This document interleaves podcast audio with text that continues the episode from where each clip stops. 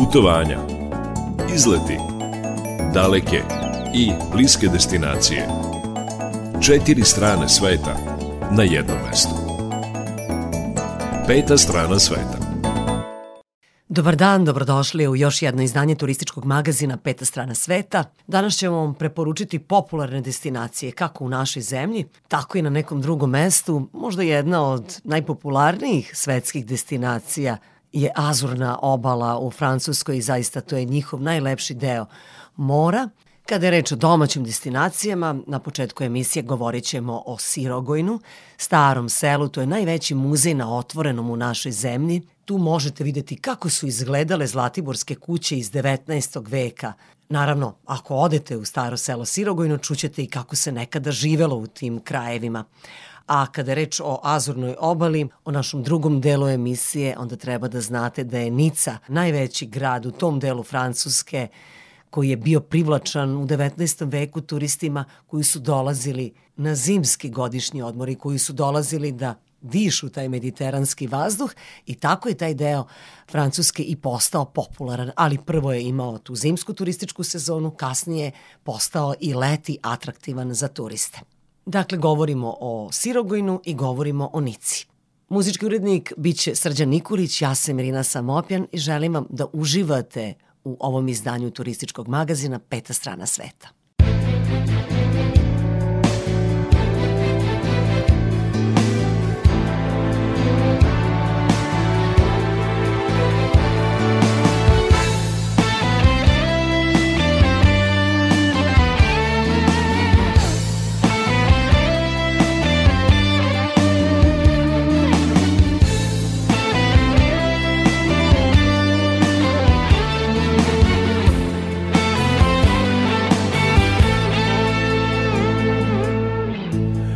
Ovde je šljiva najukusnija? Ovde i kiša miriše kad pada. Ovde se vole, plaču i smeju. Ovde je toplo i kad snegovi veju Svaki kamen tu priča ti zna. O puno bola i puno ratova Mnogo gorčine i puno tuge. Brige su za nas, a radost je za druge. Ali kad je ja menjao ne bih Jer je jedna jedina majka, radost i tuga Ona je, ona je Srbija.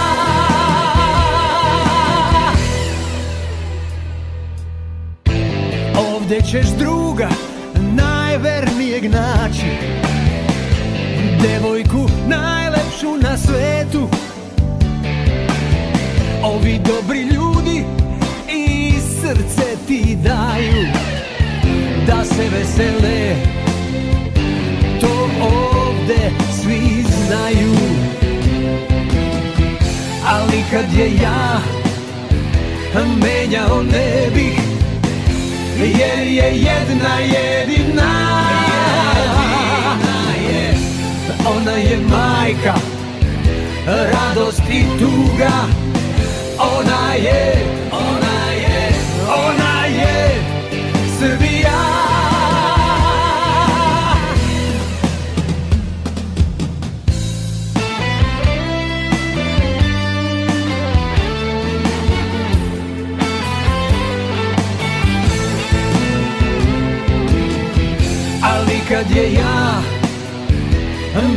menjao ne bih Jer je jedna jedina. Ona je majka, radost i tuga. Ona je,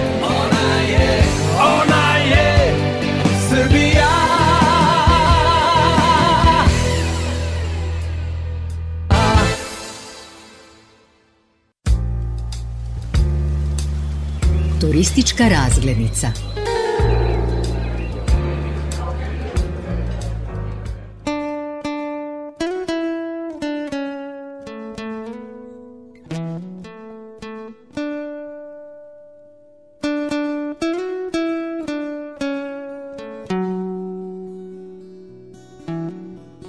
od centra Zlatibora, turističkog centra Zlatibora, 26 km ima do muzeja u Sirogojnu, zapravo reč je o najvećem muzeju na otvorenom u Srbiji, koji je pod zaštitom države.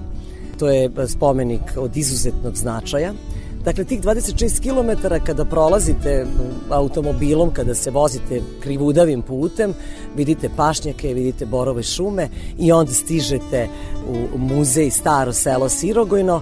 Viši kustos u tom muzeju je Dragan Cicvarić i on će biti naš domaćin. Dragane, dobar dan. Dobar dan, dobrodošli. Mene je fascinirala priča kako je uopšte nastao ovaj muzej na otvorenom. Ja ću samo da opišem slušalacima Radio Novog Sada da se mi sada nalazimo na jednom prostoru 5 hektara. Ne možemo to da sagledamo jer nije ravno, nije Vojvodina. Brdovit je kraj, planina je Zlatiborje i tu je mnoštvo brvnara, starih kuća. Tako se nekad živalo u 19. veku. Otkud sve te kuće baš na ovom muzejskom prostoru na otvorenom, one su dovučene iz svih krajeva e, Zlatibora, prenesene, dovučene, sad kako ko voli da kaže. Kako je došlo do te ideje, kako je nastao ovaj veliki muzej? Da, pa pre svega to je jedna lepa inicijativa bila u tom periodu još od 1979.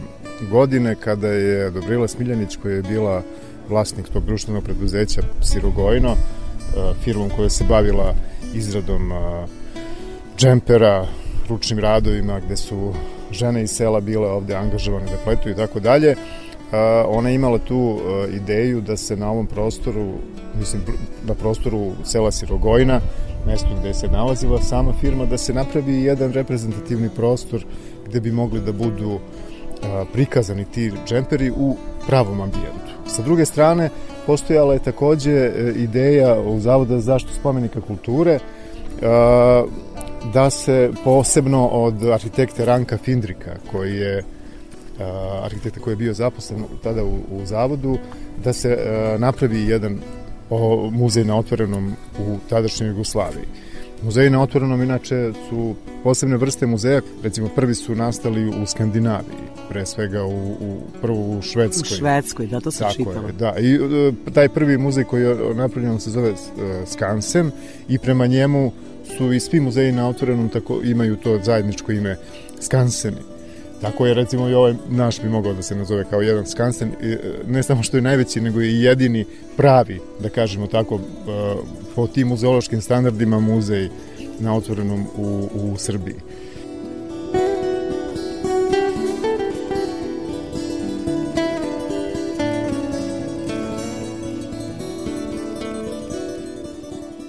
Postojala znači ta inicijativa i nekako su se te ideje našle, određen je prostor gde bi mogli da budu prebačeni ti objekti.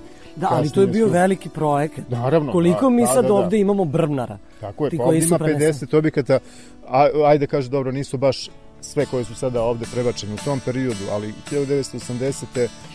obilažen je pre toga teren, pronalaženi su odgovarajući objekti, razgovaralo se sa ljudima, pregovaralo oko otkupa i tako dalje u to vreme i onda su stručnici zavoda sa stručnjacima ovaj, iz društvenog preduzeća Sirogojno zajedno došli do tog nekog rešenja, određeni su objekti koji su, za koje se smatralo da imaju, da su nekako najreprezentativniji i onda su oni otkupljeni, e, kako ste rekli, raskupljeni, pošto ove, ove da, prene, brvnare... Moralo se preneti tako nekako. je, ove brvnare su inače tako građene da, da mogu da, da se raskupe i da se prebace na neku drugu lokaciju. Na taj način, uz pomoć majstora, one su prebačene, dislocirane sa svojih originalnih lokacija ovde na ovaj prostor i zbog toga i dan danas tu stoje, jer da se to nije desilo, većina od njih verovatno više i ne bi bile. Propale bi. Tako je. Znači, reč o drvenim objektima koje mora da se vodi e, računa, da se štite, premazuju zaštitnim sredstvima i tako dalje. našao, pored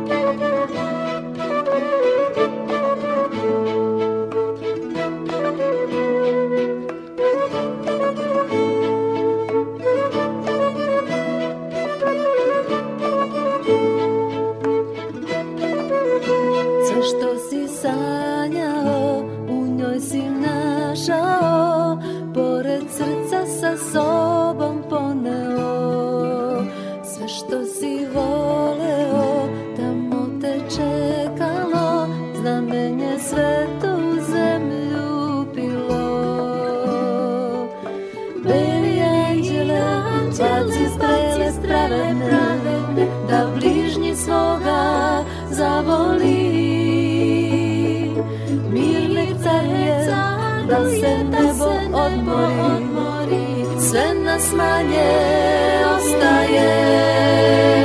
Setite se molitve i naše zemlje jedine. Mi smo svi rođeni pod zlatnim suncem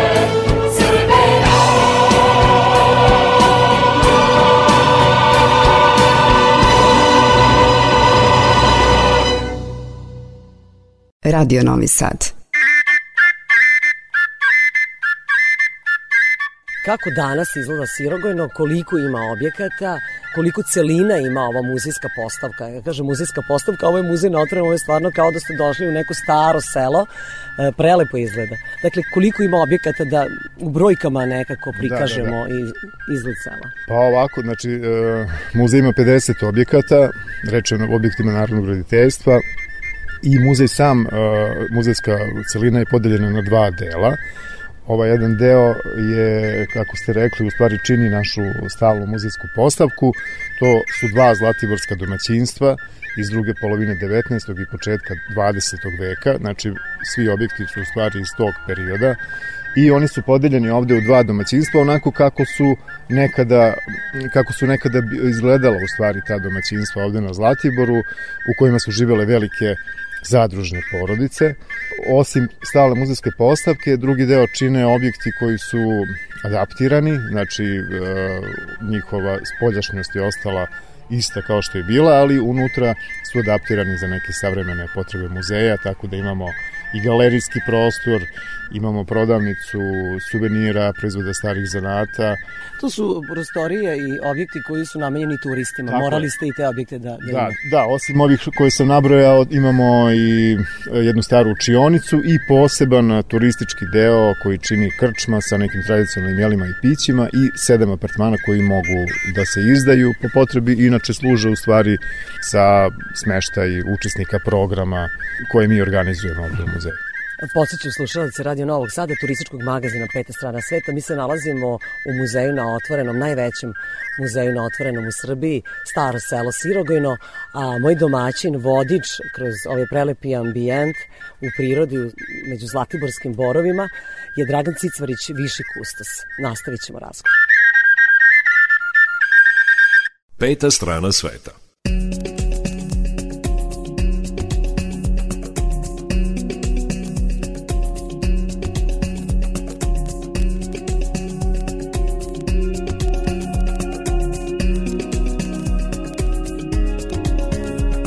Je lako, ti možeš sve. Ti možeš sve. Baš je lepo kad setim se I ja sam kraj tebe. Sada znam nisi obična. Ti možeš sve. Kao reč mrtvog pesnika možeš sve. Uh, Ja se bojim što sam tu. Mm.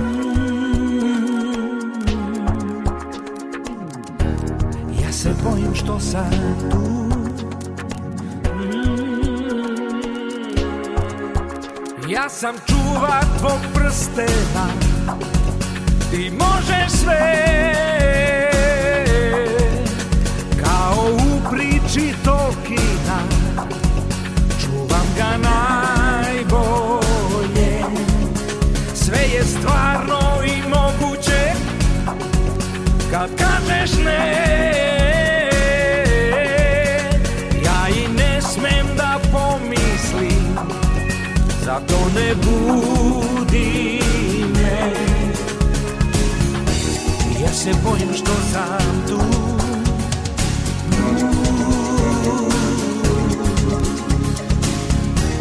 Ja se bojim što sam tu.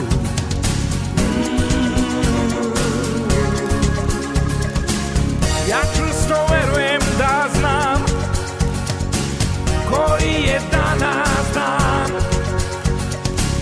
Koja je godina i koga sanjam. Nemoj me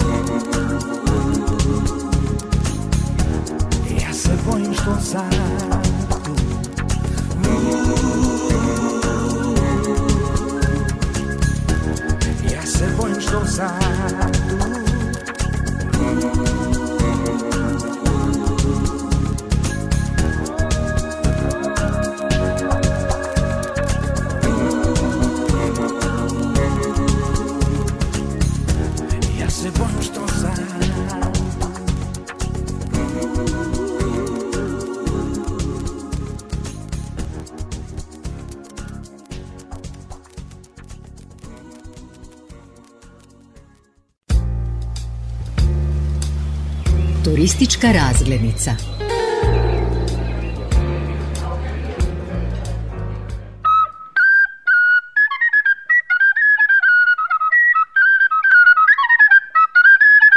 U muzeju Staro selo Sirogojno došli smo do stalne postavke. Tu se nalaze kuće iz 19. veka i mi sad vidimo kako su ljudi ovog Zlatiborskog kraja živeli nekada. E, Moj vodič je Dragan Cicvarić, viši kustos u muzeju. Dragane, vidimo ovde porodične kuće gde su ljudi živeli. Da, znači u, u Ovo je vaša stalna postavka. Tako je. Ovde u staloj postavci u, u prvom od naša dva domaćinstva imamo postavljene objekte u tom domaćinstvu kakvom su nekada živele velike porodične zadruge koji su u stvari sačinjavale najveći deo uopšte e, takav način organizovanja porodice je bio najzastupljeniji u ovom kraju. I što se tiče porodične zadruge, ono što znamo je da je to bila veoma patrijarhalna a, Zajednica. zajednica na čelu sa starešinom. Nju su činili njegovi oženjeni sinovi sa svojim porodicama. Organizacija života je bila takva da, recimo, sve ono što je činilo taj neki centralni život jedne porodice se dešavalo, sve se dešavalo u glavnoj kući. Glavna kuća je centralni objekat ovde u domaćinstvu. On, Je li ovo sada glavna kuća Tako ispred je. nas? Da, to je glavna kuća i ovaj, ona je najveća, najviša. U glavnoj kući se slavi, tu svi zajedno obeduju, tu dolaze gosti i u glavnoj kući spava starešina i njegova žena. A, ostali članovi domaćinstva, znači njegovi oženjeni sinovi, e, spavaju u posebno, posebnim objektima i oni se zovu vajati ili zgrade. Oni su ovde sad e, konkretno smešteni sa leve strane i ovde u prvom domaćinstvu mi imamo dva Vajata. Da, dva vajata, što znači da je ovaj starešina imao dva oženjena sina. Da. Taj vajac se e, priprema pre nego što će se sino ženiti i kad on nađe mladu, onda prelazi u tu kuću gde može da zasnuje svoju porodicu. Tako je, tako je. Znači, uh, i onda oni, uh, oni žive u tim posebnim kućicama, svaki sin tog starešina ima svoju kuću koja služi Uglavnom tu nema puno nameštaja, uglavnom služi da se tu prespava, e, ne provodi se nešto puno vremena i ovaj nema ni puno nameštaja unutra, tu je uglavnom njihova odeća, razboj za tkanje i tako dalje. Ova naša ovde u prvom domaćinstvu, ova dva vajata, e, su i podeljena tako što u prvom vajatu se nalazi recimo ta oprema razboj za tkanje i pribor za pletenje, Hoćemo da uđemo u glavnu kuću, pa onda u Hoćemo, vajat. da, da, ajde, da. da, ajde da uđemo pa da Može. vidimo kako to izgleda.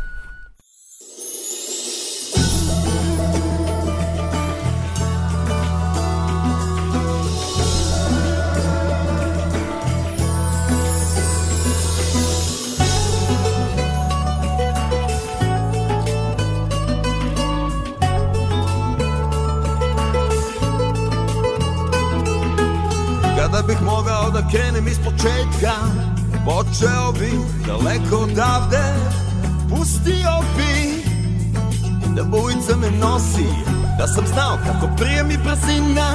Svaki dan bio bi mi luđi Moji sati ne bi bili tuđi. A sad šta god da uradim Uzet će mi vreme uzet će mi vreme.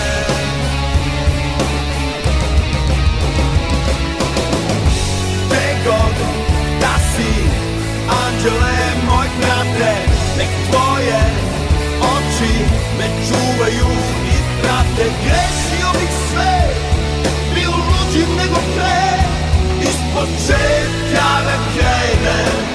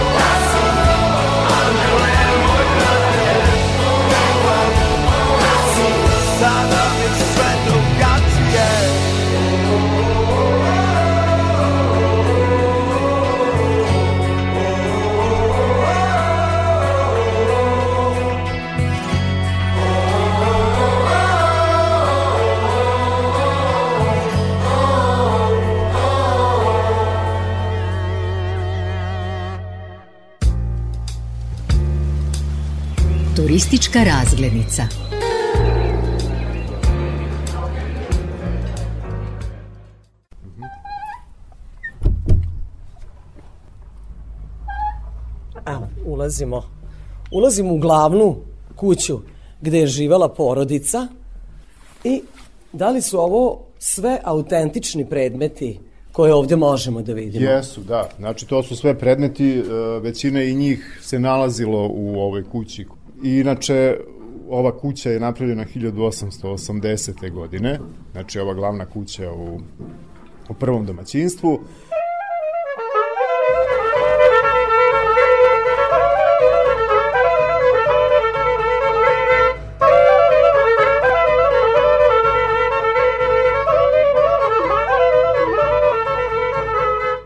Glavnoj kući je bilo ognjište kao najvažnije mesto u, u domaćinstvu, u porodici. Ognjište ne samo što je služilo za spre, pripremanje hrane, e, tako dalje, već e, je e, služilo i za grejanje kuće, kao osvetljenje kuće i imalo je jak e, simbolički značaj. Znači, samo ognjište je bilo mesto koje se posebno poštovalo.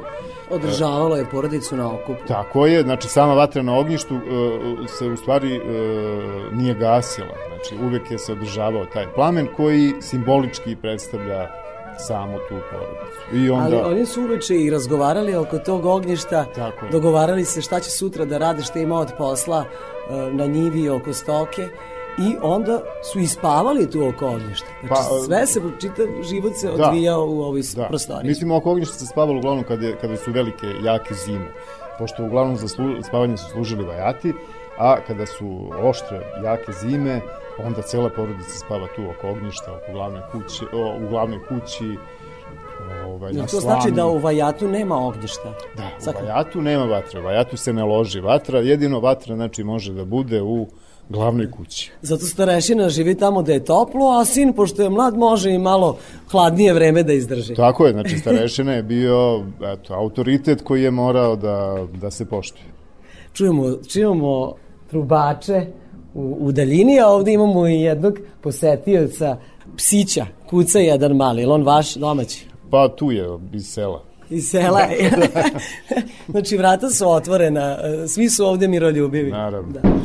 Hoćete da nam kažete šta se dešava, pošto ja čujem trubače, ne znam koliko slušalci mogu da... A, svadba je u toku, ovde je baš naš kolega a, danas udaje ćerku i on živi tu u blizini muzeja ovaj, i mislim da su sad upravo svatovi došli po mladu. Ili? To bi bilo atraktivno da snimi kamera, nekim je sa srećom. Mala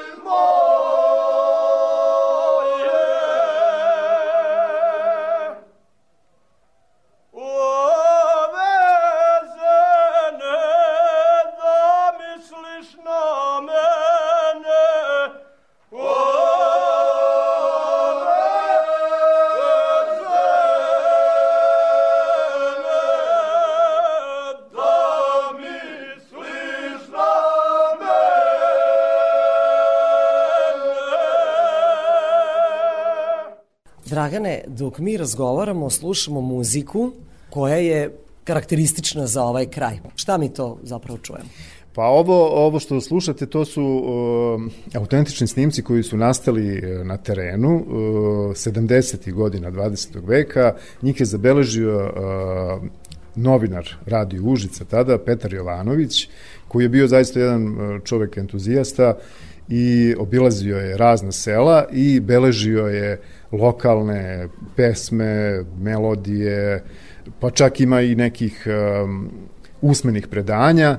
E, sve je to zabeleženo na magnetofonskim trakama i mi smo uspeli da dođemo do tih traka dok nisu bile zaboravljene i ovaj da ih digitalizujemo i to je jedno izdanje e, muzeja na otvoreno staro selo i još jedne izdavačke kuće Balkan Heritage reč je o tim e, melodijama koje su arhivski snimci koje smo mi sačuvali i izdali kao posebno izdanje.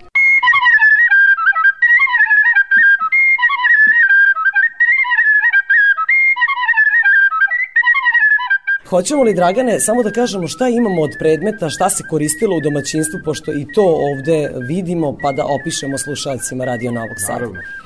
Glavna kuća je bila uh, najveći objekat, najviši. Unutra, znači, ognjište se nalazilo u jednoj od dve prostorije, u prostoriji koja se zove kuća kao i ceo objekat i uh, u kući je pod od zemlje, znači tu imamo zemljani pod, druga prostorija je soba u kojoj je spavao starešina i njegova žena, a u sobi su spavali inače sva mala deca, jer, kako smo rekli, nije bilo grejanja u vajatima, i onda mala deca su spavala zajedno, uglavnom na slami. I o- Slama je topla, da. Tako je. Znači, pošto nije bilo moguće na, nabaviti toliko Je li to kreveta- ova prostorija? Tako je. Pa vidite. Evo naša... A, pa to je velika, velika je ta prostorija gde se Tako je. Prostorija je velika, unutra se nalazi peć. Zidana peć, da, da Tako je. objasnimo. Peć i ložište se e, nalazi ovde u kući, ovde pored ognjišta. On tu se loži, a peć greje sobu ovaj, koja ima drveni pod i plafon.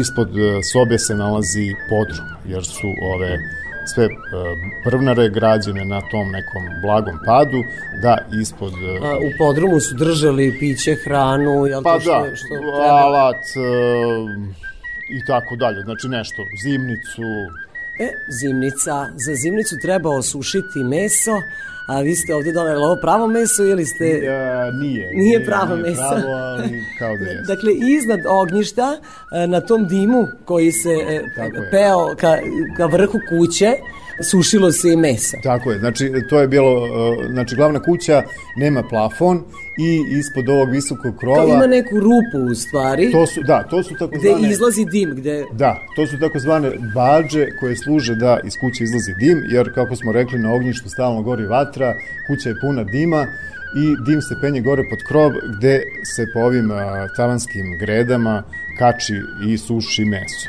Znači, taj deo je iskorišćen u stvari ognjište, dim sa ognjišta za, za sušenje mesa u kući i zbog toga su, ne, u stvari ne samo zbog toga, već ovi visoki krovovi na ovim kućama koji su uh, tako strmi da se ne bi na njima dugo zadržavao sneg i vlaga, iskorišćeni su i za to da pod njima može da se suši, uh, suši meso i zbog toga su i nastali ovi poznati zlatiborski specialiteti. Tako je, suvomesnati je. proizvodi. Radio Novi Sad.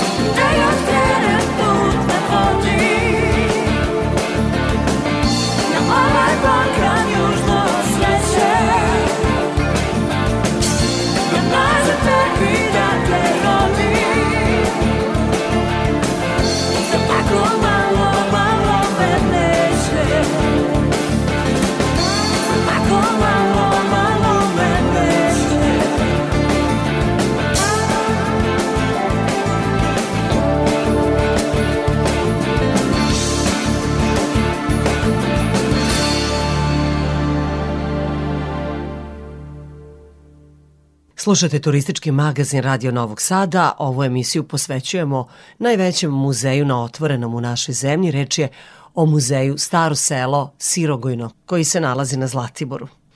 Kakvim sve predmetima su bile ispunjene kuće u Zlatiborskom kraju iz 19. veka. To saznajemo u nastavku, a moj vodič je kustos Dragan Cicvrć. Peta strana sveta.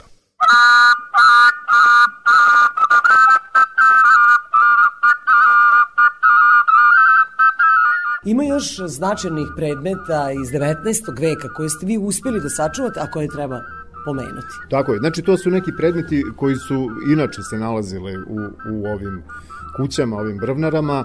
Pre svega tu mislim uh, na uh, male stolove i stolice, znači te stolovi se zovu sinije, tu su obedovali svi članovi porodice i oni su interesanti što mogu i ovako da se okače na zid, da ne zauzimaju prostor, recimo kada se završi sa obedom, stolice tronoške takođe ne zauzimaju puno prostora, interesantan je recimo ovaj a, a, Kao neka vitrina. Je. Tako je, kao, kao viseća, na primjer, kuhinja, a, taj ormarić koji se kači na zid i on se u stvari ne kači nego, nego ove daske su uglavljene u stvari između ovih greda od kojih se pravi kuća i on se zove dolap. I tu stoji e, kuhinsko posuđe, hrana i tako dalje. I ovde imamo još e, neizbežan ovaj e, veliki ormar, e, sanduk, pardon, u kojem stoji brašno i on se zove naćvar. Samo brašno tu stoji. Pa, Mislim, da. veliki je poprilično to. Tu stoji brašno, ima, unutra imaju pregrade, pa stoje različite vrste brašna. kukuruz, Žitarice, različite. je. Na njemu domaćica, tu se vadi brašno, kada domaćica hoće da zamesi hleb i tu su na njemu i sito za sejanje brašna i ova velika posuda u kojoj se mesio hleb, koja se zove tekne. I iznad njega imamo ovde ove Imamo tiganje, ali ovo pored tiganja mi nije jasno šta je, pošto je to nešto pljosnato, veličine tiganja, ali pljosnato, nema udubljenja. To je lopar. To je lopar i e, podsjeća recimo na ove e, za picu recimo. Da, ove, da, da, da, da, za picu, što stavljaju picu u rernu pa je Tako izlače je, od da. drveta. Znači lopar, u stvari on ima istu funkciju, tu se umešan hleb stavlja na, u, u- na, na njega se stavlja pa se onda stavlja na pečenje, da, na da se prosto ne bi domaćica opekla, zato ima dugačka drška. Tako je, da. I on prostor se za nosi, hleb, da. Da, on se nosi, stavlja se u pe, e, na pečenje, u ovim posudama za pečenje ili mi ovde u prvom domaćinstvu imamo i napolju ovu jednu hlebnu peć koja služi takođe za pečenje hleba.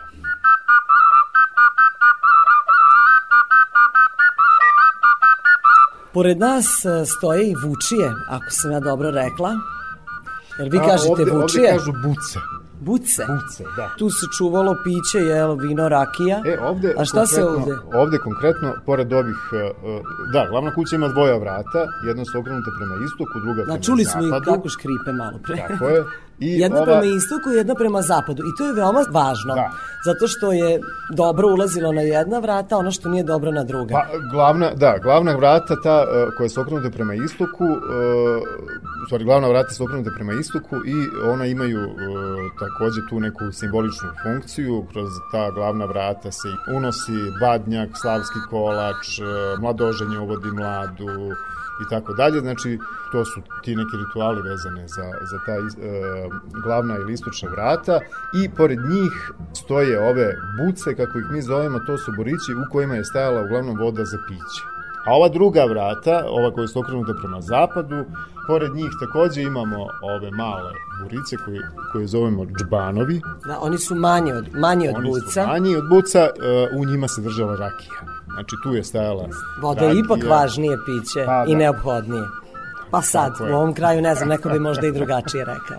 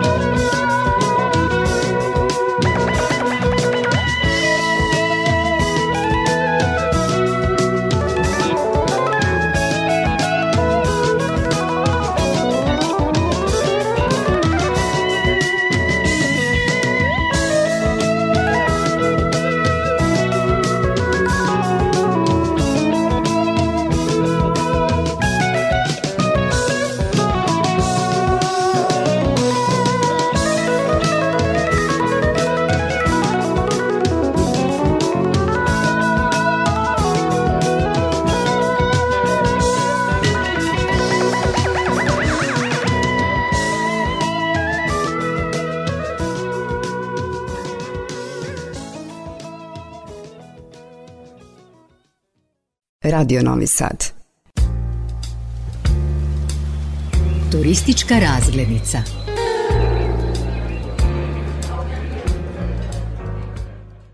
Nalazim se u muzeju na otvorenom, to je najveći muzej na otvorenom u Srbiji. On je u Sirogojnu, u starom selu, 26 km od centra Zlatibora. Ukoliko idete e, na Zlatibor, stvarno bi trebalo obavezno da svratite u ovaj muzej i da vidite kako su ljudi živeli nekada, a to nekada je 19. vek i stvarno ljudi koji e, vole etno, koji žele da otrgnu sve to od zaborava, potrudili su se da, da mnogo objekata, brvnara, koje su bile rasute po čitavom Zlatiborskom kraju, prebace ovde u muzej na otvorenom i sada ovde imamo 50 brvnara, neke su u, u, izgledaju kao što su nekada izgledale i pokazuju se turistima, a neke su pretvorene u turističke objekte. Moj vodič je viši kustos muzeja na otvorenom staro selo Sirogojno Dragan Cicvrić. Dragane, mi ne možemo sad ući u Vajat. U Vajatu je obitavao, rekli smo, sin, domaćinov sin, ili u Vajatima su obitavali domaćinovi sinovi, ukoliko je bio srećan čovek pa imao toliko sinova i tako veliko domaćinstvo. I mi ne možemo sada ući u Vajat, jer Vajat nije otvoren za turiste, ali možemo da ispričamo i, i čemu su služile druge pomoćne prostorije u jednom domaćinstvu. Samim tim ćemo doznati i čime su se oni bavili i kako su živeli. Tako je, znači, osim ovih e, objekata koje smo pomenuli, kako smo rekli, to su vajati za spavanje, glavna kuća, e, u okviru domaćinstva nalazili su se razni ekonomski objekti, na primer ambar gde je stajalo žito, u stvari on je imao nekoliko pregrada za različite vrste žita, koš ili salaš, kako ovde ljudi na Zlatiboru zovu, to je objekat napravljen od pruća i tu je stajao kukuruz u klipu da se suši.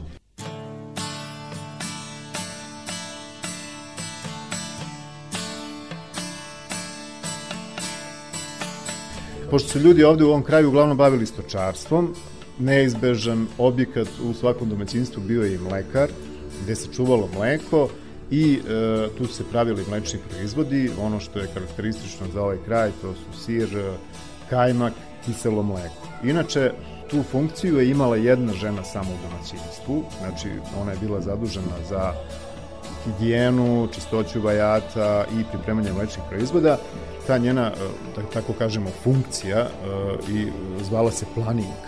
Znači, ta žena je bila planinka, ta koja je vodila računa o mleku i pripremila mlečne proizvode. A kako, kako su oni uspevali u to vreme da sačuvaju, ako su pravili neke veće količine sira, na primer, da ga sačuvaju, da se ne pokvari, su imali neku vrstu frižidera? Ne? Pa nisu. E, sve je uglavnom stajalo u mlekaru. Mlekari su bili opet, nekako da kažem,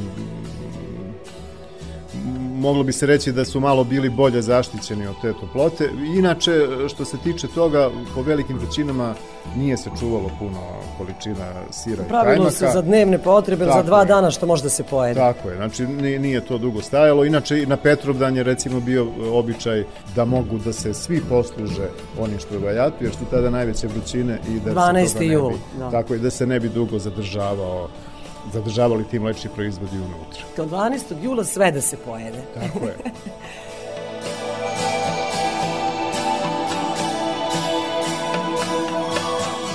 Šta je još bilo od drugih e, pomoćnih prostorija? Znam da je bila i jedna samo za pečenje rakije. E, da, što se toga tiče, što se tiče ekonomskih objekata, e, u okviru domaćinstva, samo ispod, recimo, ovog domaćinstva, ispod staze, š, za šetanje, nalaze se još neki ekonomski objekti, na primjer, kao što ste pomenuli, ta kačara u kojoj su stajale kace i kazan za pečenje rakije. E, uglavnom ovde u tim kacama je stajalo e, voće, to su bile šljive, najčešće u ovom kraju kazani su bili pravljeni od drveta. E, što se tiče e, ostalih objekata, imamo Nišanu, to je objekat e, u kome se sušilo voće, to je zidani objekat u kojima su bile postavljene e, takozvane lese, to su kao da kažemo, neke police od pletenog pruća na kojima se stavlja voće, znači to su nešto bile šljive, zatvaraju se ispred njega otvori, to su daske koje služe za ventilaciju i iza njega na zadnjem delu te mišane imaju ložišta za vatru kada se ta vatra zapali na toplom vazduhu se to voće suši. Inače, Srbija je bila jedan od najvećih izvođača to, baš suvih šljiva u Evropi u, u 19. Vrodno ste imali smokve. Pa da je bilo, sušili bi njih, ali Znači nije malo smo visoko. Da, da, da. Uglavnom šljive, su sušili još Uglavnom neko... šljive i to su bile, eto, eventualno što se tiče još voća, tu se koristile su se suve jabuke, kruške. Jabuke su se koristile i ovde iznad, recimo, uh, gde je ovo ložište za, za peć u sobi, iznad njega su se postavile takođe lese ili ovde blizu ognjišta. I onda su se one tako i sušile prirodno, da, u je, kući. prirodnim putem.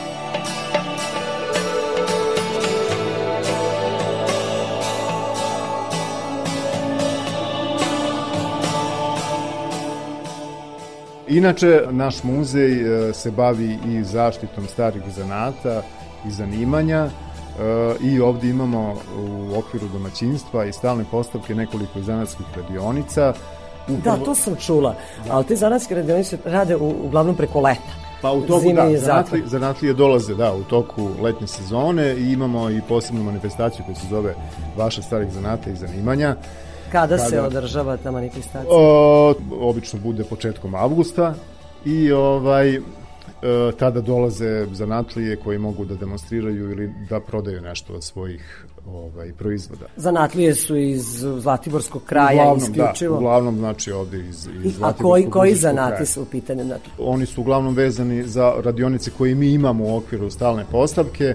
U prvom domaćinstvu to je uh, uh, radionica za obradu drveta, to je kačarska radionica i kačari su bili majstori koji su posebno bili poznati u ovom kraju i bavili su se izradom drvenih kačica, čabrova, borića, uh, uglavnom znači takvih takvih proizvoda koji su prodavali po seoskim vašarima, pijacama po gradu i tako dalje. Znači imamo jednu radionicu koja je u okviru jednog vajata ovde u prvom domaćinstvu.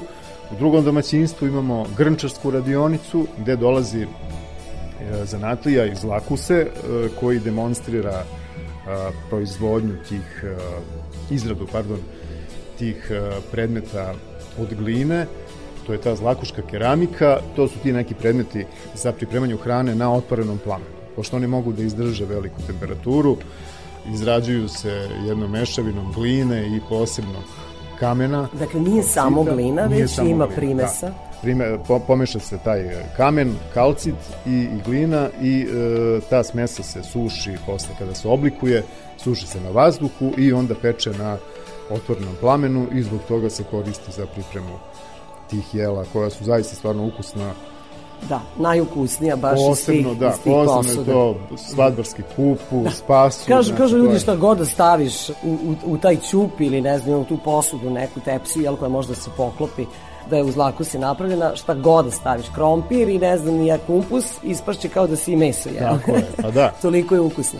Jeste. I koja vam je treća radionica? I treća je kovačka radionica, ona se nalazi dole ispod ovog domaćinstva gde je staza za, za šetanje i tu takođe u toku sezone a, povremeno dolazi neko od majstora kovača. Radionica je prebačena iz, a, od jednog starog majstora koji je bio ovdje u jednom obližnjem selu koji se zove Kruščica. Jedino što je objekat morao, to je zidani objekat, jedan od redkih, jer nije mogao bukvalno da se prenese ta njegova zidan radionica. Alat je sav prebačen i e, poseban objekat napravljen. Moj vodič, domaćin u muzeju na otvorenom, muzeju Staro selo Sirogojno i Dragan Cicvarić, viši kustos. Peta strana sveta.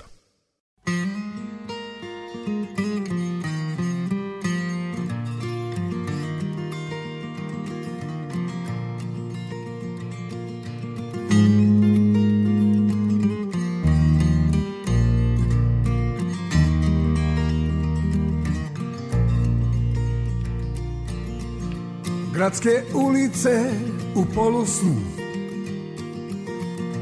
Reke pospanih u prolazu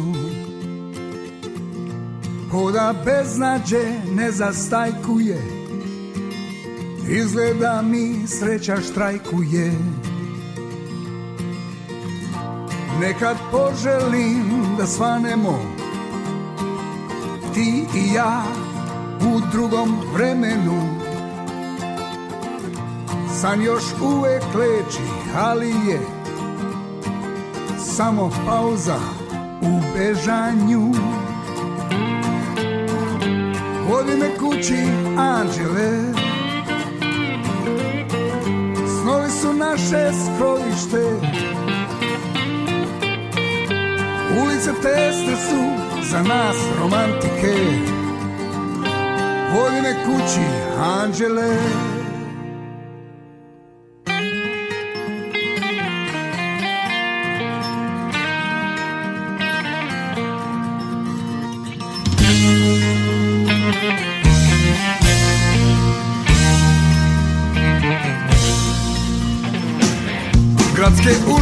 u polusu Reke pospanih u prolazu. Hoda bez znađe ne zastajkuje. Izgleda mi sreća štrajkuje.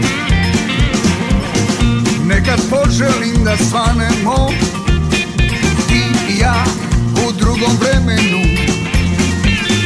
San još uvek leči, ali je Samo pauza u beznađu Voli me kući anđele.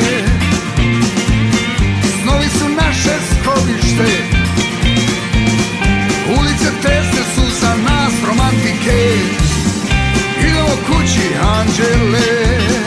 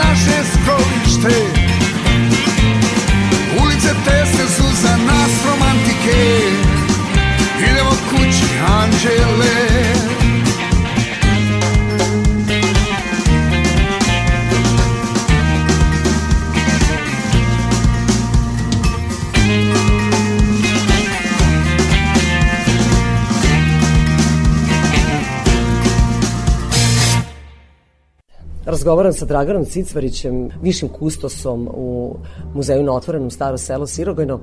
Dragane, evo, ovaj vaš muzej na otvorenom se prostire na, na 5 hektara i to je zaista velika površina, to smo i rekli na početku razgovora. Znam da, da ima i tih brbnara koje su za turiste namenjene, ima i ovih kuća koje e, govore i oslikavaju taj stari način života, e, ali šta, šta je u svim tim kućama, pošto stvarno ima 50 tih objekata.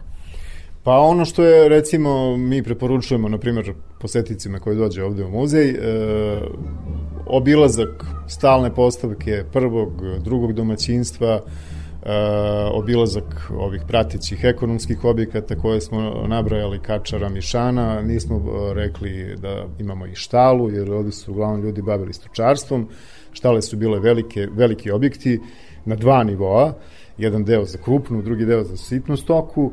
U toku sezone posetioci mogu da vide i različite programe, muzičke festivale, vaše starih zanata, izložbe, znači imamo posebnu dvoranu, galerijski prostor za izložbe, letnja pozornica, kako smo rekli, turistički deo. Ima jedan poseban deo koji je malo izdvojen, tamo to nisam pomenuo, on je e, iza letnje pozornice, to je e, čobanski ili planinski stan, pošto ljudi koji se bave stočarstvom u ovom kraju, oni su odvodili stoku na više planinske predele u toku... Na ispašu. Na ispašu i e, to je bilo recimo od proleća do jeseni i oni su sa stokom praktično boravili i živeli u tim uh, višim planinskim predelima gde su U imali katunima. Svoju, tako je. Znači to su ti planinski čobanski stanovi, to su objekti u kojima su ljudi živeli sa svojom stokom u tom Dakle, periodu ako godine. sad krenemo dalje, naići ćemo i na Da. tu čobansku kuću, ajde taj katun, jel, u Tako kojem je on boravio celo leto, jel, od proleća i leto.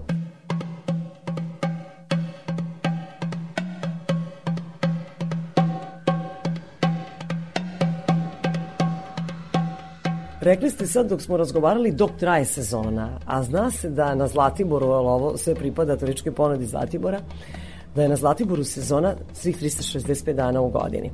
E, Znam da kada ste rekli da traje sezona da ste mislili na te neke programe koji mogu da se odvijaju na otvorenom, a šta se dešava u zimskim mesecima? Samo je kraće radno vreme, pa evo da sad slušalci doznaju i kad mogu da posete Sirovinu, kad leti, kad Da. zimi.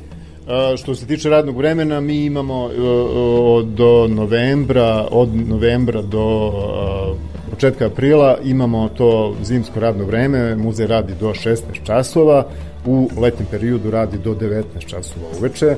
Što se tiče, znači muzej je otvoren svaki dan za posete, imamo periode e, kada dolaze đačke ekskurzije, imamo neke programe koji se dešavaju zimi, osim ovih da kažemo, letnjih programa, mi imamo neke stalne programe koji su vezani za e, različite praznike, verske praznike, na primer e, unošenje badnjaka, e, šaranje vaskršnjih jaja, pa onda imamo takođe za Spasovdan, kićenje kuća tim zelenim leskovim lišćem, vidova. Poštujete obrede i običaje, Tako moram je. da kažem, pošto se obrede i običaje razlikuju, ali i jedno i drugo je sad kod nas u zemlji e, prisutno.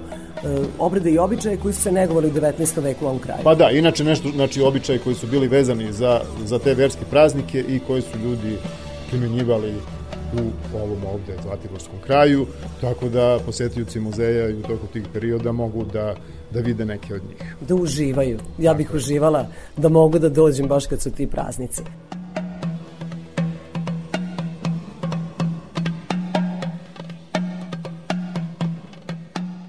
Dragane, evo, samo da vas pitam za kraj, koliko vas turista poseti godišnje, odakle oni dolaze, da li su samo iz naše zemlje regiona ili se i stranci interesuju e, za život na ovim prostorima u 19. veku? Da, pa u principu mi imamo negde u proseku oko 40.000 posetilaca godišnje, dolaze zaista ljudi iz celog sveta, naravno najviše domaćih gostiju, kako sam rekao, đačke ekskurzije, posetioci koji dođu na Zlatibor obavezno svrate da vide i muzej Staro selo. E, stranaca ima sve više, baš u toku ove sezone ih je bilo dosta, dolaze i organizovano preko agencija, dolaze i pojedinačno, zaista iz svih krajeva sveta. Imali smo posetioce iz eh, šta ja znam, iz Japana, iz Afrike, iz Indije, u poslednje vreme dosta i tako dalje. I šta kažu kad vide ovaj muzej na otvorenom? Ipak je to najveći muzej na otvorenom u našoj zemlji. jest, e, da, muzej, zaista muzej na otvorenom je jedno posebno mesto, kako smo mi to volili da kažemo, gde ljudi mogu da uživaju svim čulima. Znači, oni apsolutno mogu da budu, da, da osete kakav je život bio u toj jednoj staroj kući iz 19. veka, da vide predmete koje su ljudi koristili, da probaju neke od tradicionalnih jela i pića, da, da čuju tradicionalnu muziku. Znači, e, apsolutno ceo ambijent je prilagođen e, posetiocima koji mogu da, da nekako osete život u to vreme i da provedu zaista nekoliko kvalitetnih sati na otvorenom. Ja se zahvaljujem što ste bili naš domaćin, što ste nam pokazali muzej Staro selo u Sirogojnu. E, Evo za kraj da, da još jednom kažem kako se zvao naš domaćin. On je viši kustos u muzeju na otvorenom Staro selo Sirogojno, Dragan Cicvrić. Peta strana sveta.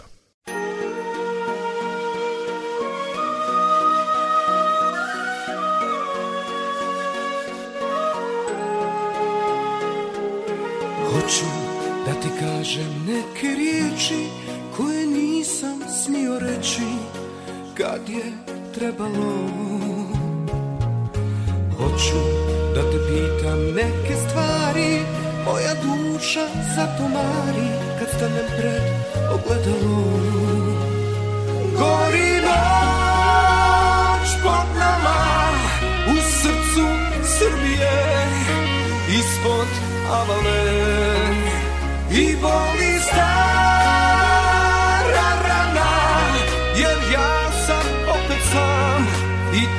si opet sama gori sve pod nama hoću da uradim neke stvari koje nisam smio tada kad sam trebao mm. Hoću da se sjetim nekih ljudi Nekih dragih lica meni Koje sam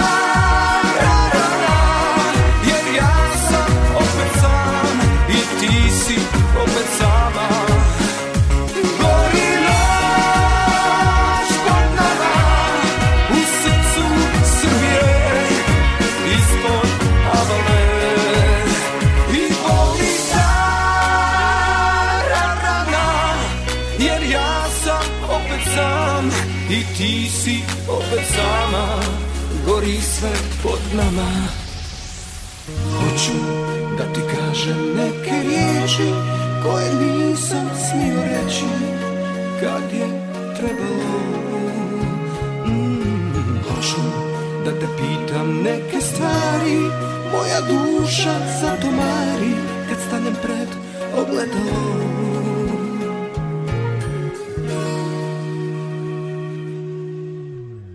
Radio Novi Sad. Peta strana sveta.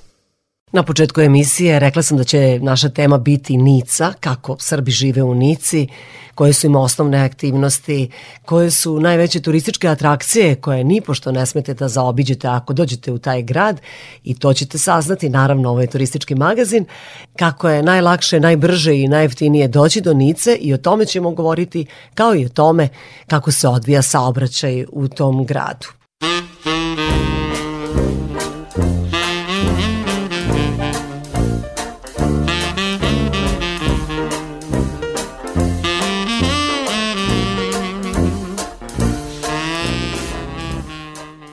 Evo nekoliko reči koje će biti uvertira u, u našu priču o Nici. Zanimljivo je da je Niče opisao Nicu kao skandalozno lepu, a ona je smeštena u zalivu Anđela, na ušću reke Pajon u Sredozemno more. E, Smatra se da je taj deo Francuske pogodan za respiratorne tegobe i taj deo Francuske su krajem 19. početkom 20. veka otkrili engleski turisti, poslednjih i ruski i oni su tu dolazili zimi. Dakle, u tom delu sveta vladao je zimski turizam, što je veoma neobično, a danas je Nica i njena okolina, zapravo ta čitava Azurna obala, je aktuelna leti. Dakle, to se sve promenilo.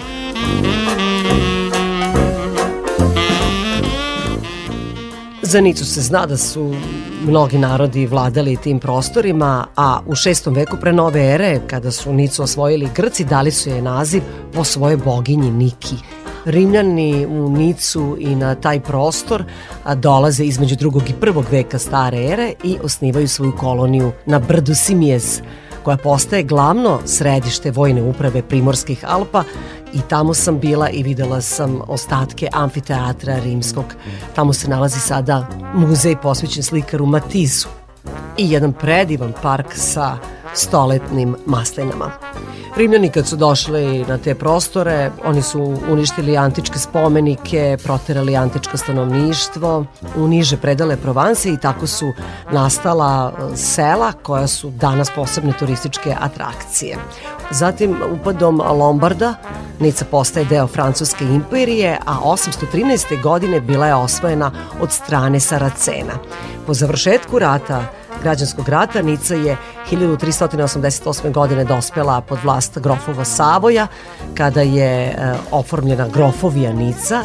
Louis XIV. osvojio Nicu krajem 16. veka, uništio srednjovekovno utvrđenje i sve druge vojne objekte u gradu.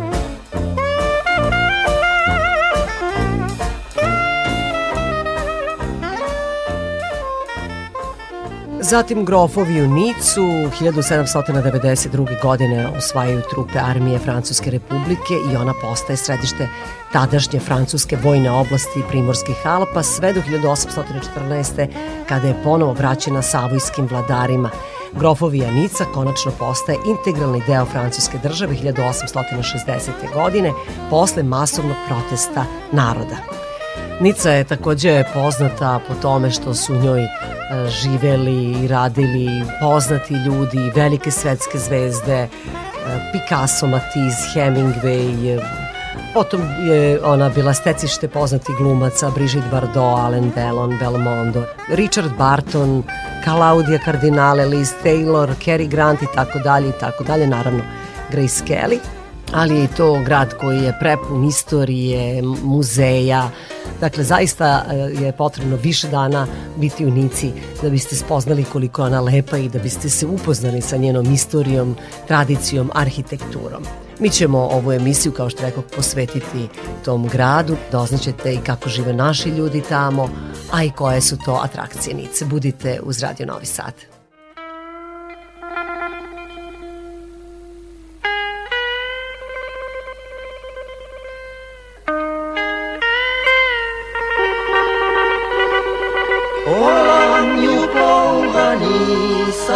has perdu te flu ara ti o juira sa iu pense rei tu ju cam ti puri montagne cuber ti d'estacion li ti u verdi campagna sun pleni de maiu jamai pu canterai jamai pu canterai Son mort dit tout il est plus de cançons. Per ve tu e tu ju penserai Au ten l'univers Ai las, ai las, ni sa rebella Si sente la benzina mattina è in piazza d'Olila senche suono marina non fa che membila ni satizia svenduta come una peta. Ti vampia l'icumba per un museo de pan. Jamais tu canterai Su morti di tunnela Diges plu de cançon Perdu E tu E tu ju penserai Au tendo meres vera Ai nas Ai nas Di sa rebella Perdu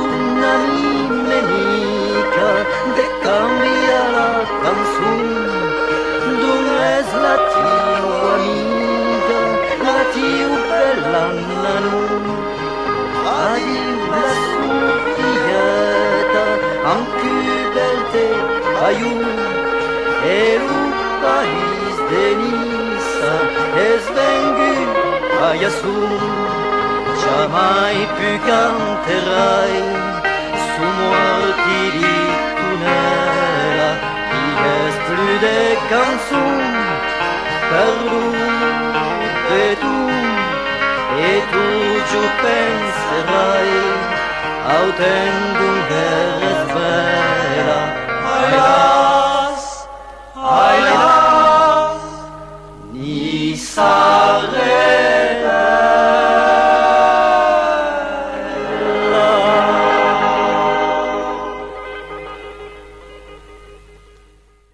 Radio Novi Sad. Ako dođete u Nicu, a Nica je naj, najveći grad na Azornoj obali, najpopularnijem primorju Francuske, onda možete i da se upoznate sa članovima udruženja e, Srpsko-francusko udruženje ili Francusko-srpsko udruženje. Evo to sada pitam Vladana Radovanović, on je predsednik tog udruženja, pa me zanima šta je prvo, da li srpsko, francusko ili francusko-srpsko? Da eto, nek bude srpsko-francusko udruženje kad je većina Srba, eto, a kad ima i Francuza, bude i francusko-srpsko udruženje. Svejedno, Nema onda- onda sve nisam jedno, pogrešila. Sve jedno, znači ovdje ste sad u crkvi danas, u našoj crkvi, e onda smo mi srpsko-francusko udruženje. Eto, ja sam Vladan Radovanović, znači predsjednik tog udruženja. Od kada postoji vaše udruženje? Naše udruženje, je mlado udruženje, pre tri godine smo formirali, nekoliko mjeseci pre ove, covid krize. Naše udruženje tiče Francuzi, kao i Srba, malo većina, već većina Srba, ali ima i Francuza. Pravi Francuza Pravi Francuza. koji su naučili Da, da. srpski ili uče srpske. koji su naučili srpski, koji pričaju srpski perfektno, a ima i Francuza koji su pravoslavci. Evo u ovoj crkvi, u pravoslavnoj crkvi, to je crkvi Uspenja presete Bogorodice Unici. i nalazi se blizu Luke. Da, da. Tako da ima dosta Francuza pravoslavaca i prirodno su oni učlanili su u tom udruženju s nama i radimo svi zajedno. Cilj našeg udruženja je promovisanje naše kulture u Francuskoj, to nam je osnova. A i drugo je promovisanje srpsko-francusko prijateljstvo, koji je nije od juče, nije ni od prekjuče, nije ni od prošlog veka, nego puno unazad, eto da vam sad ne pričam istoriju, ali počevši od Jelene Anžuske, sve to, koliko ja znam. Ja sam isto a, dete a, dijaspore, ja sam rođen ovdje u Francuskoj, blizu Liona, eto, i znači meni je to potrebno kao našoj djeci sad, novoj generaciji ovdje, da, da imamo neko neki centar, znači imamo crkvu, a gdje imamo i udruženja, ima nas razni ovdje, hvala Bogu, na Azovnoj obali, ali gdje može naš narod da se priključi i da vidi, eto, koja je naša kultura i da je približimo našoj matici, eto. Kakvih sve aktivnosti imate u udruženju? Videla sam i, i folklor se igra i crta se, slika, učite decu srpski. Bravo. Posle covida smo, a, čim smo imali prvu priliku, smo se lansirali punom parom, eto, da radimo maksimum a, stvari i da svakome nešto pružimo što voli. Počevši prvo od škole, osnovali smo školu a, ovdje u Nici, koja je priključena sad ministarstvu a, Prosvete, Srbije. Srbije. Znači da imamo škola koja je priznata ovdje u Nici.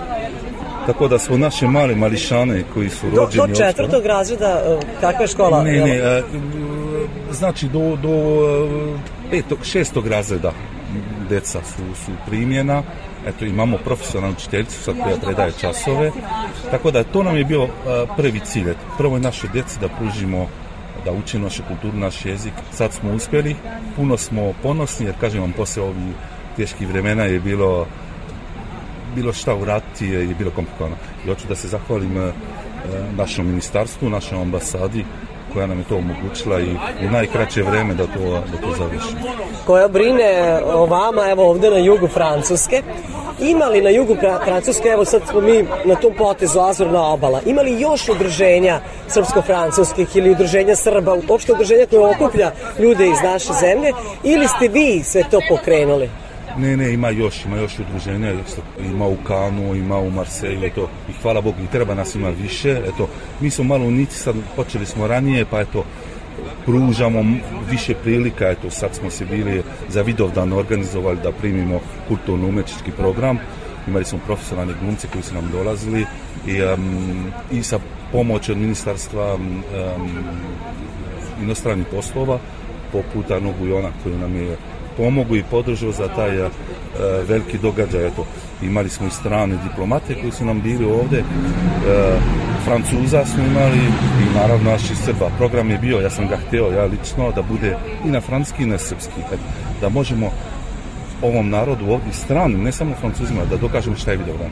I uspeli smo i, i, i ja e, ponosno vam kažem jer sam dobio posle od ljudi koji su bili s nama, znači bilo je Holandžana, je bilo Francuza, je bilo, imali smo konzule od em, znači od Holandije, od Malte su bili, imali smo i Francuza, imali smo oficira, jer dosta ovdje u Nici imamo iz legije stranaca naši ljudi koji su ovdje u legiji i koji kad završe legiju stranaca, naravno ostanu u Nici, neki ostanu u regionu ovdje, neki se vrate.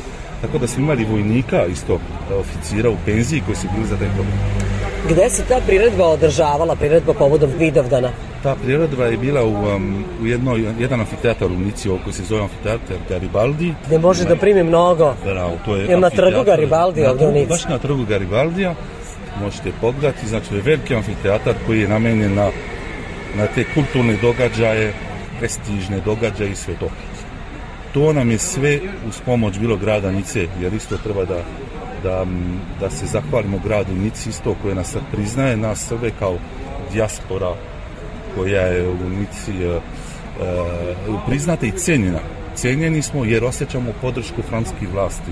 I, e, Znači, cene nas kao nacionalnu zajednicu. Bravo. Koliko Srba ima u Nici, na Azurnoj obali, ili kako vi to računate u Provansi, kako se e, računa ovaj deo? Teško je reći jer u zadnja vremena, eto vremena, sad se, se menja i sve to. E, Mi ovako bi rekli u Nici, uži kraj do, do Kana, rekao bi da ima jedno 4-5 hiljada naši ljudi.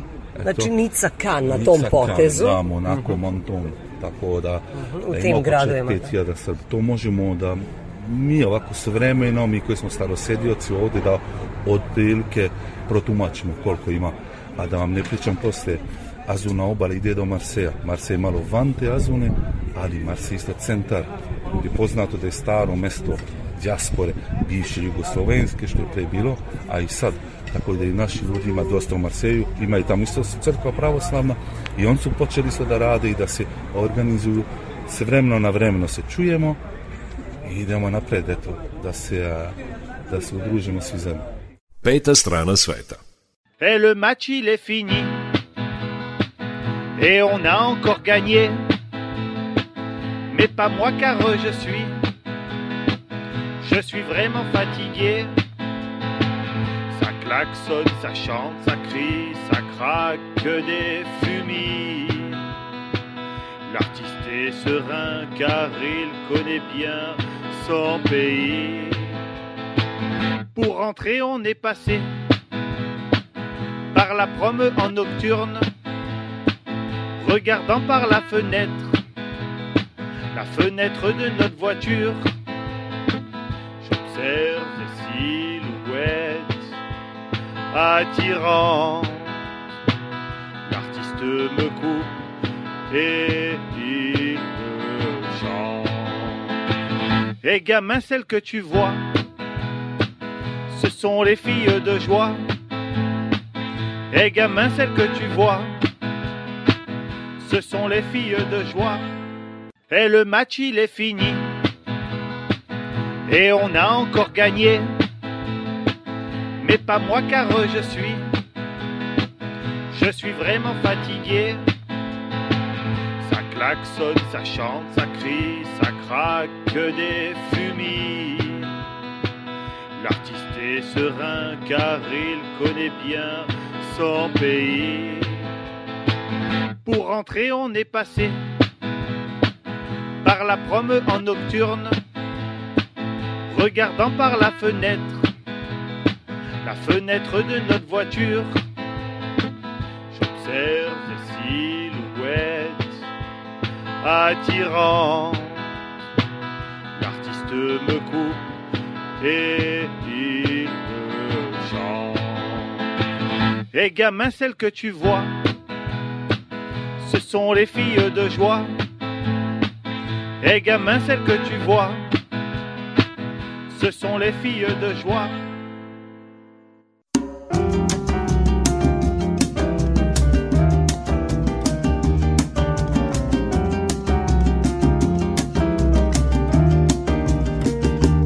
C'est si bon de partir n'importe où, bras dessus, bras dessous, en chantant des chansons. C'est si bon de se dire mot de tout, de petits rien de tout, mais qui ont dit son long, en voyant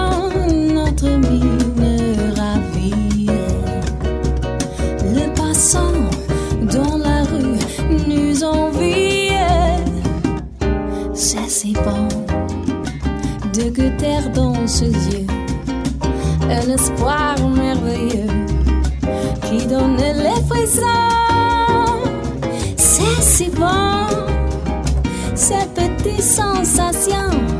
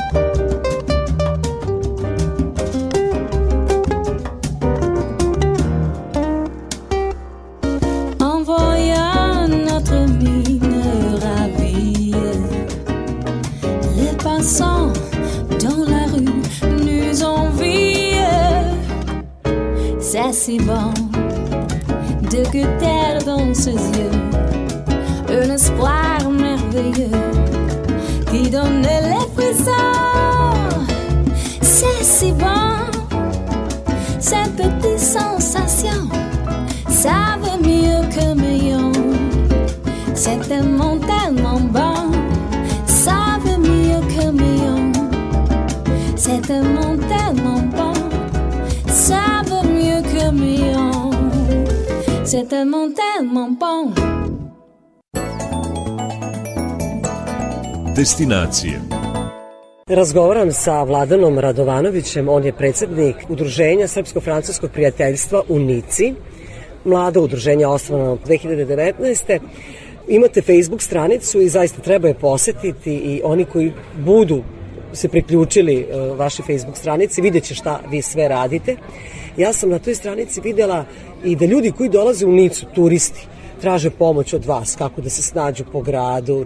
Šta sve ljudi traže od vas i da li mogu da, vas, da vam se obrate s obzirom to da ja ovo snimam za turistički magazin Radio Novog Sada? Da, što se tiče logistike, eto, nama je čast, eto, ako možemo da pomognemo, naša stranca je sad e, dosta posećena, e, svako pitanje je dobrodošlo, eto. Ne možemo sad garantovati imamo za svu za, svak, za svako pitanje odgovor, ali ako se tiče logistike, kad je turistički sezona, gde je najbolji ići, koji kraj, eto, najpovoljnije i sve to, e, sa zadovoljstvom e, pomažemo se u grupi. Eto. Koje su vaše prve preporuke za dolazak u ovaj grad? dođete u Nici, e, Nica, eto, promenada je ne, ne, ne, Englesko ne možete- šetalište. Englesko šetalište, to vam je, to ne možete zaobići, eto, to je prvo. A drugo, moj e, lični savet je stara Nica, da se obiđe. Stari deo Tu je blizu To je, engleskog blizu, to je sve tu blizu i sve to na Luci, blizu naše crkve, na, na 100 metara iza. I to je jedan mali kraj i tu je prava Nica. I tu ćete osjetiti pravi taj mediteranenski e, e, duh, Mentalitet, da. mentalitet. I tu ćete isto moći da probate domaće specialitete pizze, jer dosta ovdje ima italijana, isto Nice, isto. a Blizu je Italija. Bravo. E, do skora je granica sa Italijom, e, nije baš bila na istom mestu gde je sad. Tako da istorija je pomešana Francuske Italije i to se sve osjeti u staroj Nici. Eto. Ja bi to savjetovo e, prvo. Posle naravno imate muzeji koji su poznati i sve to, ali, em, ali stara Nica za mene je prva destinacija da se dođete. Najlepša. Bravo, bravo. E, a sad e, mi smo pomenuli e, da se nalazimo i razgovaramo ispred Srpske pravoslavne crkve u Nici, ona je blizu Luke, Port Limpija, ali postoji i Ruska pravoslavna crkva, to je isto jedna od znamenitosti. Da, Ruska crkva Svetog Nikole. Grad Nica se ponosi s tim. Uzmete u turističkim svim agencijama u Nici su ćete vidjeti e, crkva Svetog Nikole. Nalazi se u ponudi. Da. u ponudi sve to. Nica se diči e, tom crkvom kao da je njihova, jer toliko je lepa, toliko je e, neopisivo, eto, treba, treba da se Ona je odi, da velika, vidi. grandiozna. Ona je velika, grandiozna i ja mislim da je od redki e, hramova, može u Evropi da je tako sačuvana i, i na divnom mestu. U centru grada, ali park okolo, to je, to je fantastično.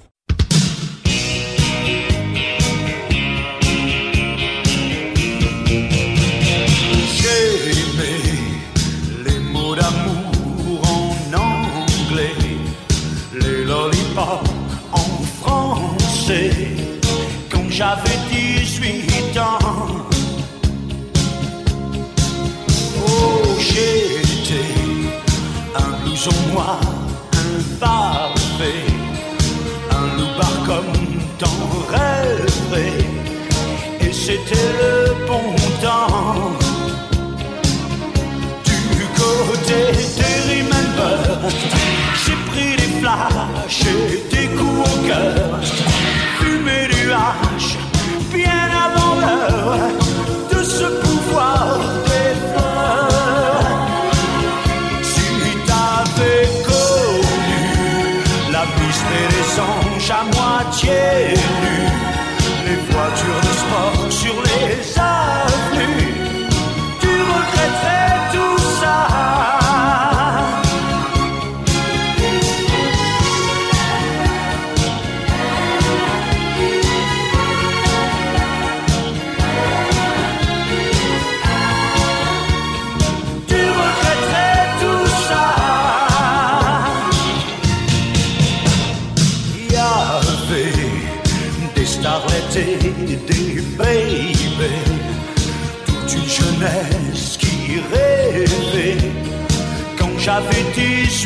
18 ans.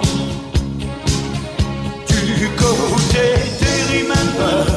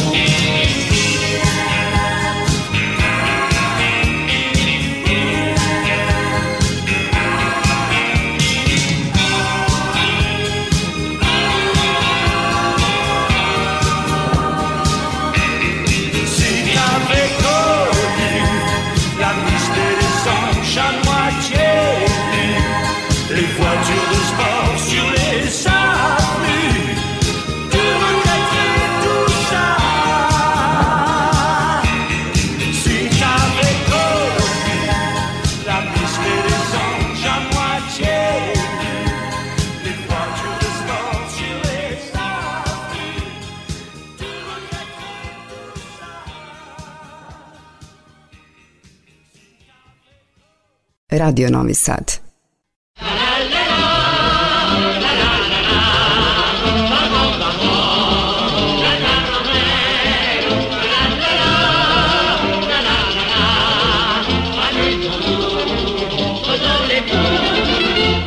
Au Nice, la jolie, quand revienne ton gai carnaval. Tu verses en nous la folie, c'est l'amour qui conduit ton bal. Les masques vont en farandole en dansant sur ton rythme embrasé. Tous les cœurs font la cabriole dès que ton parfum les a grisés. Et dans cette ronde folle, il pleut partout des baisers. Nice la belle, ton soleil et tes mimosas, tout nous appelle. Sur ta charmante riviera des joies nouvelles, nous attendent sous ton climat, Nice la belle. Oh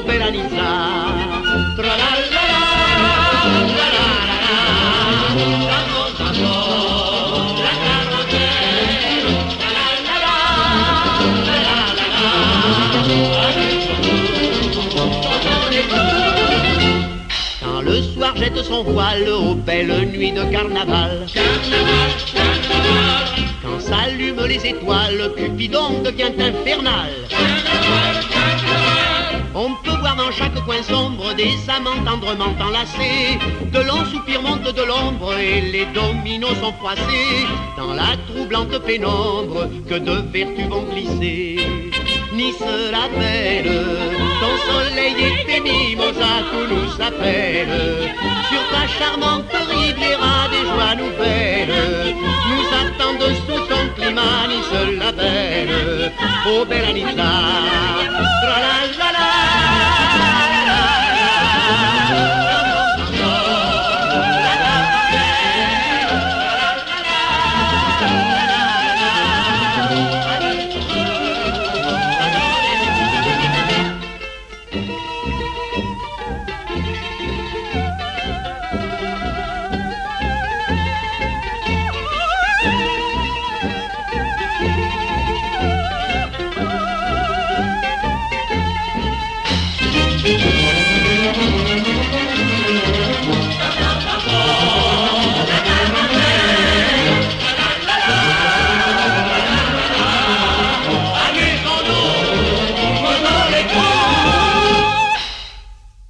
Slušate petu stranu sveta, turistički magazin Radio Novog Sada. Podsjećam vas, u današnjoj emisiji govorimo o Nici. U tom gradu upoznala sam predsednika Udruženja Srpsko-Francuskog prijateljstva Vladana Radovanovića, a u nastavku razgovora on nam govori o saobraćaju u najvećem gradu na Azornoj obali i najlakšim načinima da se dođe do Nice. Destinacije Kad reč o saobraćaju u Nici, meni se čini da se sve odvija besprekorno, nema uopšte histerije, vlada neka bezbedna vožnja, ne treba da se štreca ni pešak, svi staju pešacima, čak i biciklisti staju pešacima, Dakle, preporuka je možda da li iznajmiti neki ne, automobilčić. Jeste. To je vaše strano oko koje ste videli malo, ali nije baš da. to. Znači, to mi se učinila. To, a dobro, nije baš ni skoro, niste puno ni pogrešali. Ako izađete van Nice, isto imate autoputev, isto je gužva, isto je veliki grad, ali, eto, naredni 5-6 godina se već tramvaje, dosta linija se otvorilo i centar grada je se um, oslobodio dosta auta. Tako da Rasterećeno je. Bravo, da. rasterećeno i sve to tramvaje, autobuse i sve to. I kako vreme ide, sve manje i manje centar grada će biti um, uh, sve više rasterećen i neće bravo. biti toliko automobila, neće biti smoga, a to treba da bude cilj svih velikih i većih gradova. Da na planeti. Zaista taj tramvaj ne treba čekati. Ovo je moje iskustvo duže od dva minuta, ni jedan, lako se preseda, čak i jeftino za evro i po možemo da menjamo prevoz, imamo sat i po vremena da. potrošimo tih evro i po i možemo da stignemo u raz razne delove. I ne samo za taj evro i po, moram i ovo da, da, da kažem slušalcima Radio Novog Sada, mi smo za evro i po se vozili po Nici i za evro i po otišli do Monaka, do Monte Carlo. Da, da, da. Sve to ista linija, da koja je u Nici, ona nudi ponudu do Monaka da odete. Znači, evar i po da, odete da. do, do, do Monaka autobusom.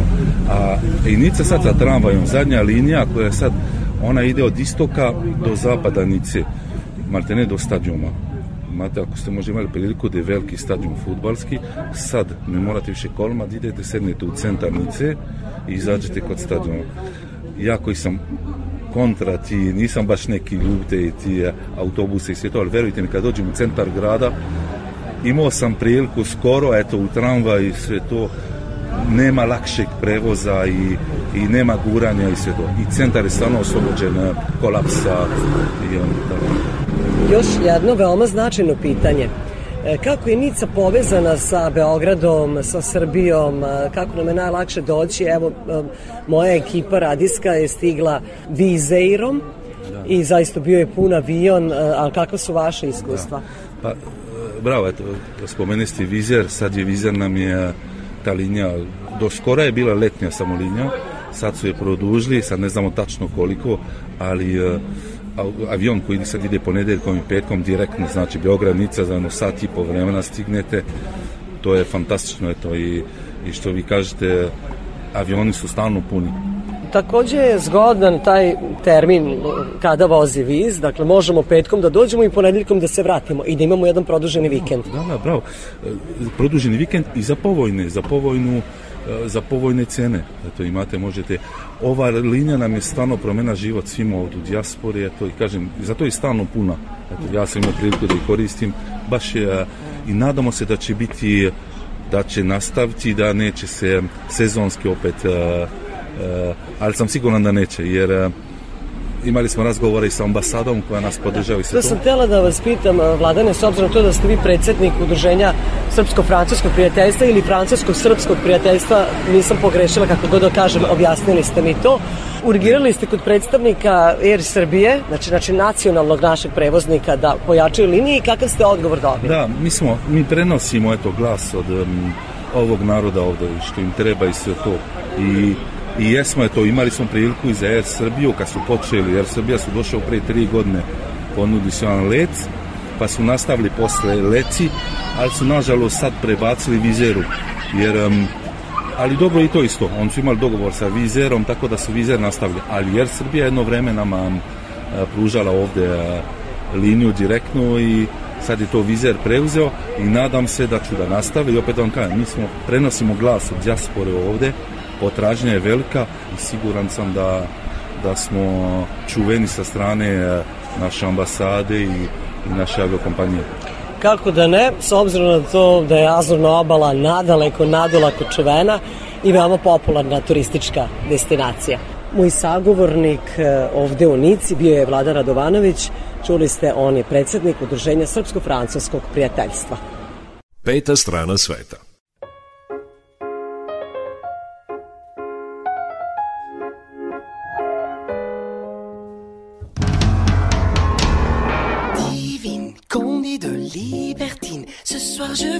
M'inviter dans ton lit.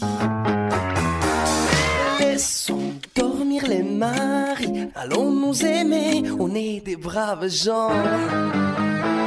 J'apprendrai ta langue et ton accent pour te comprendre. Je serai frivole et décadent pour te surprendre. Tatoue-moi sur tes seins, fais-le du bout de mes lèvres. Je baiserai tes mains, je ferai que ça te plaise. Tatoue-moi sur tes murs un futur à composer. Je veux graver toutes mes luxures sur tes dorures.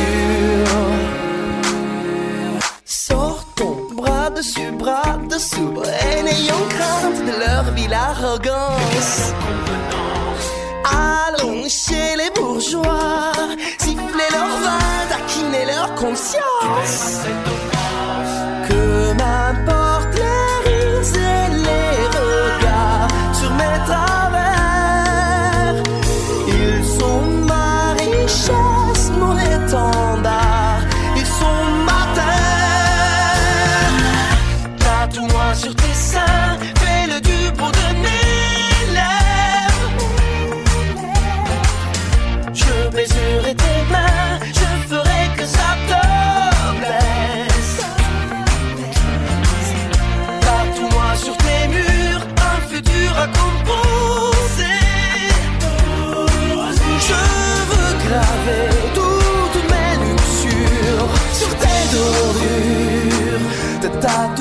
Sans mesure.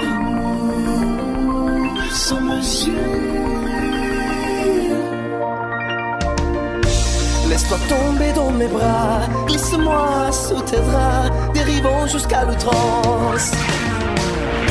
Chantons pour les bienséants, les délices de l'indécence.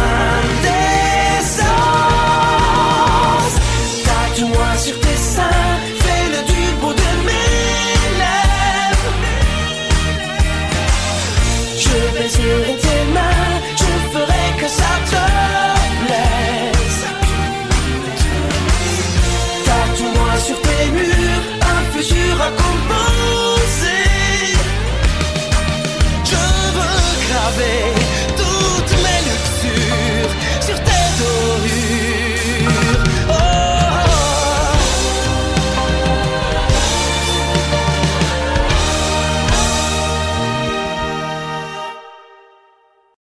Peta strana sveta. Bilo je to sve što su vam pripremili u ovom izdanju turističkog magazina Peta strana sveta. U 18 časova su naše najnovije vesti, a potom i naša najstarija muzička emisija Randevu sa muzikom. Do narednog petka pozdravljaju vas muzički urednik Srđan Nikolić i Irina Samopjan. Mi vam želimo srećan put. Gare du Nord en novembre, les cheveux en pagaille, comme une boule au ventre qui me tend, qui me tord, et Paris qui s'étale. Tout à coup me voilà, les jambes fébriles. Qu'elle est grande pour moi, cette scène imposante où tout devient fragile.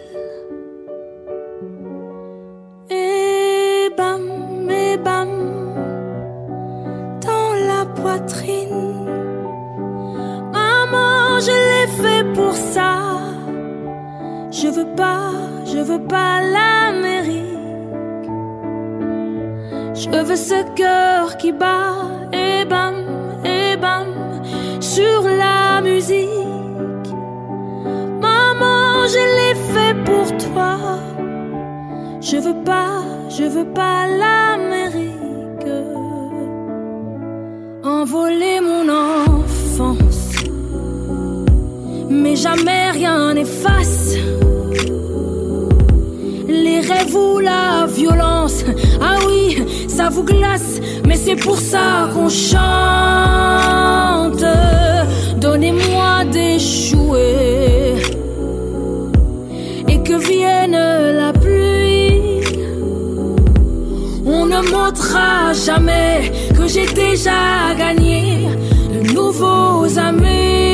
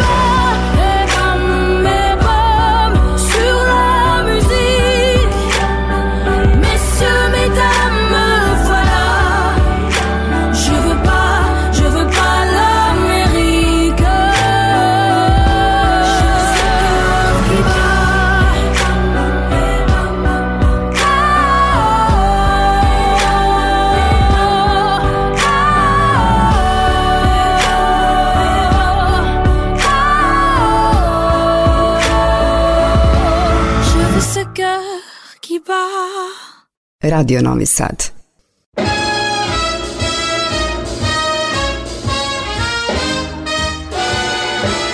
Mm, say, c'est bon. Lovers say that in France, when they thrill to romance, it means that it's so good. Oh, say, c'est bon. So I say it to you, like the French people do because it's oh so good. Every word, every sigh, every kiss, dear, leads to only one thought, and it's this, dear. Mm, It's so good. Nothing else can replace just your slightest embrace.